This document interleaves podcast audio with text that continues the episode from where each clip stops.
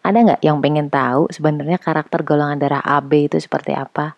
PR banget kalau misalkan kita mau menceritakan karakter seseorang berdasarkan teori. Akan lebih enak ketika aku menceritakannya dengan sebuah kasus atau sebuah story. Dan gue jadi inget dengan salah satu film.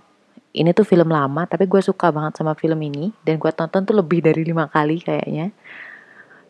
Mungkin kalian pernah denger film The Devil Wears Prada eh ngomongnya apa sih devil devil ya pokoknya itulah ya jadi ceritanya di New York tinggallah seorang gadis sederhana yang dia tuh punya cita-cita nih menjadi seorang jurnalis Suatu hari dia tuh ngelamar ke sebuah majalah fashion yang sangat terkenal di seantero Amerika. Runway. Bukan runaway ya, tapi runway.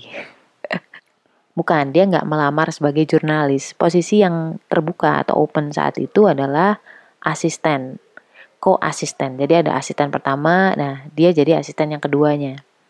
HRD mengirimkannya ke asisten yang pertama, namanya Emily, untuk diwawancara, ya kan, wawancara user ya usernya Emily gitu.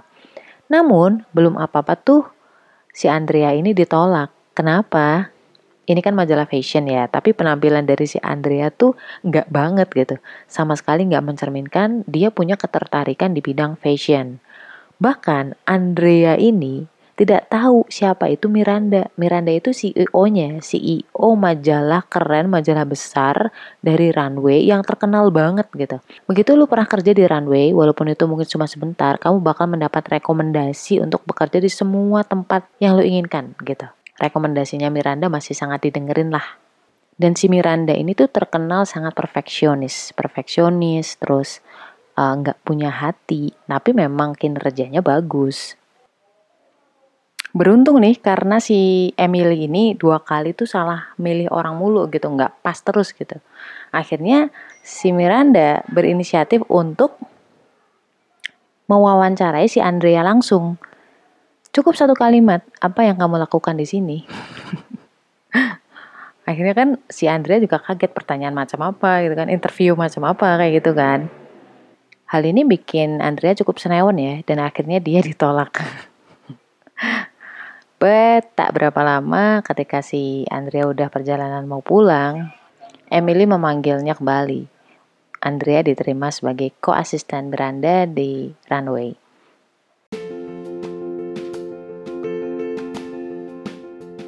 Assalamualaikum warahmatullahi wabarakatuh. Kenalin aku Ria Marliana, teman healing kamu di podcast Self Healing ia akan ngobrol tentang banyak hal berdamai dengan luka melalui psikologi Islam, Quran, dan juga hadis. Dan kadang aku spill juga tentang karakter manusia berdasarkan golongan darah. Semoga bisa membantu kamu lebih relief. Cuman jangan salah, keesokan harinya masih subuh-subuh nih, udah ditelepon sama Emily. Lo siapin kopi buat Miranda gak boleh telat. Ya walaupun keteteran, namun Andrea tuh mampu bertahan. Meski kadang tuh diledek sama pacarnya, sama temen-temennya.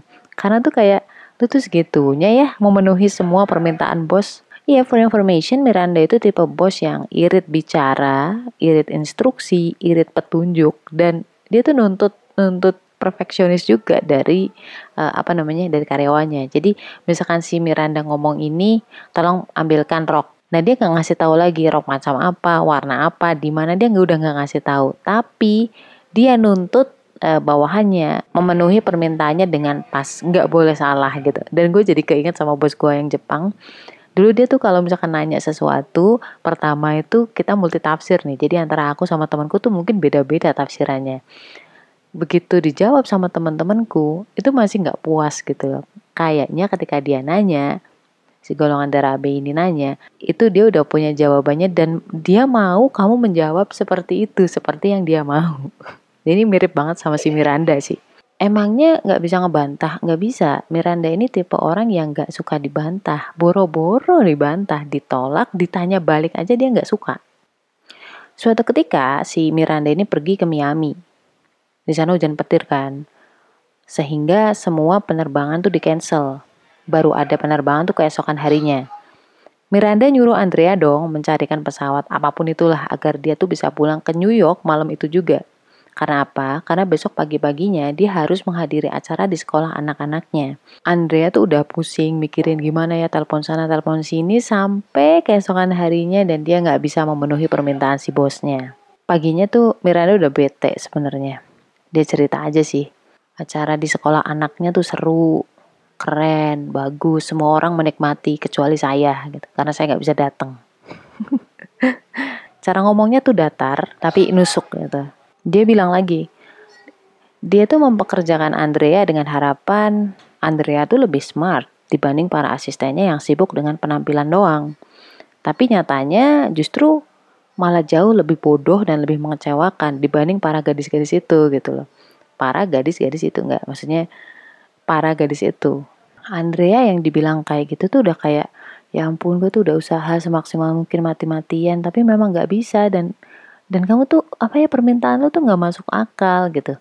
Bukannya ngomong balik ke Miranda si Andrea tuh pergi meninggalkan ruangan si Miranda dengan menangis. Di situ dia ketemu sama Nigel. Nigel itu ya salah satu karyawan tapi senior udah 18 tahun di situ dan cukup berpengaruh juga di situ akhirnya setelah ngobrol Nigel bilang bahwa kalau misalnya lu nggak tahan ya udah quit aja berhenti gitu.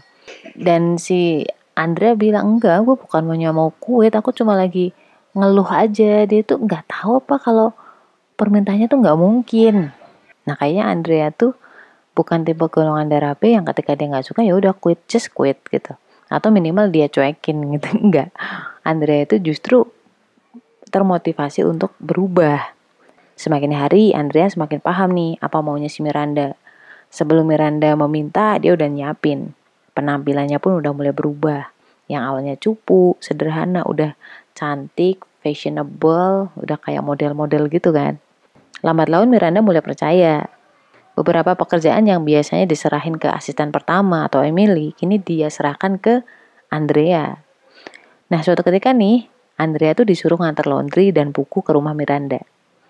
Ini hanya orang-orang tertentu nih yang boleh masuk ke rumahnya Miranda. Nah, Emily mengingatkan, lo jangan naik ke lantai atas. Udah taruh buku taruh uh, laundry habis itu pulang gitu.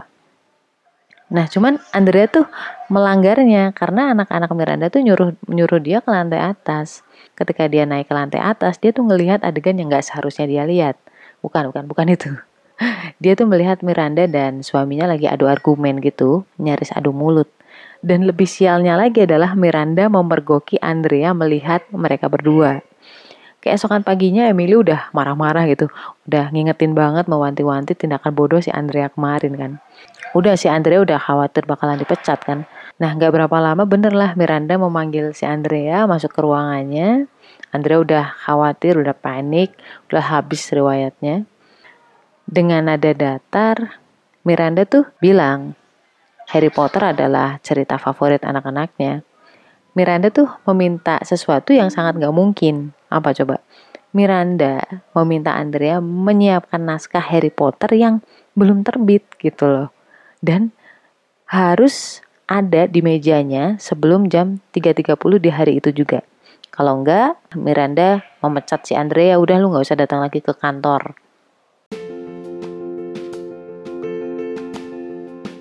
Buat kamu golongan darah B yang ingin tahu nih, kenapa ya kamu tuh susah mengingat nama, kurang peka, dibilang aneh, susah dapat pasangan, gue ada ebook nih, Beauty in a Beast. Gue kasih previewnya cuma-cuma, tinggal klik link di bawah itu ya. Nah poin ini yang bikin aku tuh menebak bahwa Miranda adalah golongan darah AB. Kenapa? Biasanya golongan darah AB kalau nggak suka kepada seseorang, marah atau kesel gitu ya, itu nggak to the point marah-marah. Tapi dengan memberikan order atau perintah yang itu lu nggak mungkin penuhi deh.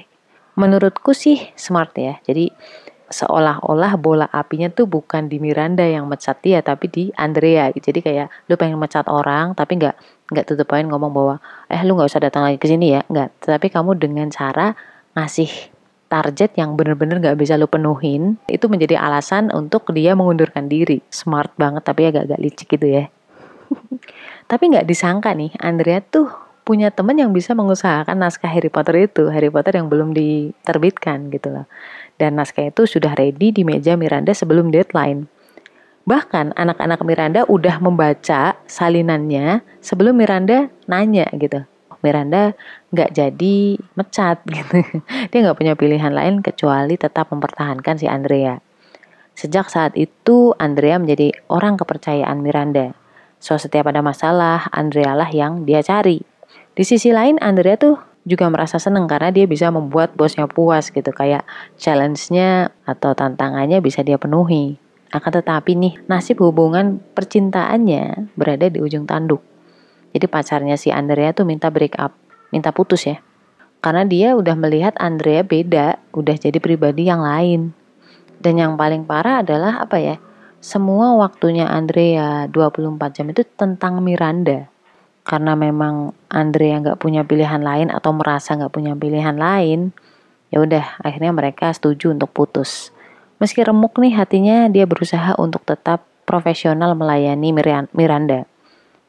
Dan gak lama lagi nih ada event besar di Paris yang mana Emily tuh udah sangat memimpikannya dari dulu. Dia dijadwalkan akan menemani Miranda. Akan tetapi nih, tanpa sepengetahuan si Emily, justru Miranda memilih Andrea lah yang menemaninya ke Paris. Otomatis dong Andrea nggak bisa mengiyakan. Karena apa? Karena dia nggak tega mengkhianati mimpi Emily. Bahkan Emily tuh udah sampai diet, mati-matian gitu ya, biar bisa ke Paris. Tetapi Miranda bilang kalau si Andrea menolak, ya terpaksa dia memberhentikan Andrea. Andrea nggak punya pilihan lain kan, kecuali mengiyakan permintaan si Miranda. Meski itu berarti mengkhianati teman kerjanya. Emily marah besar loh mengetahui itu. Tapi Emily juga nggak bisa ngapa-ngapain. Yang pertama adalah itu udah keputusannya Miranda dan yang kedua uh, beberapa saat sebelum Andrea menceritakan permintaan itu, Emily tuh ketabrak mobil gitu. Saat itu dia udah di rumah sakit, harus bed rest. Oke, kita tinggalkan dulu Emily di New York. Akhirnya Miranda dan Andrea tiba di Paris. Mereka memenuhi undangan bisnis launching dari salah satu rekan majalah Runway. Temennya si Miranda lah, yaitu James. James ini tuh pengen mengembangkan bisnisnya di dunia fashion juga, yang tarafnya udah internasional. Nah, salah satu orang yang didapuk menjadi direktur adalah karyawannya Miranda, yaitu Nigel. Nigel tadi udah seneng banget kan, kayak akhirnya bisa promosi gitu kan, naik jabatan setelah 18 tahun mengabdi di runway. Meski dia harus ninggalin majalah runway nih. Nigel tuh udah udah ngerayain bareng sama si Andrea loh, udah minum champagne bareng, Andrea mau gak mau juga memberi selamat kan, walaupun dia juga bingung nih kalau misalkan nanti Nigel gak ada gitu, dia pasti akan kehilangan. Nah menjelang pengumuman launching, Andrea mendapat bocoran dari salah satu temannya. Kalau Miranda itu sebenarnya akan digantikan oleh Jacqueline. Jacqueline itu kayak saingannya Miranda gitu loh. Kenapa? Karena Jacqueline tuh dianggap lebih hemat, Jacqueline dianggap lebih fresh, lebih muda, dan bisa membawa runway ke modernisasi gitu. Demi mendengar itu tuh Andrea tuh panik kan segera menuju penginapan Miranda. Dia mencoba untuk ngasih tahu nih ke Miranda.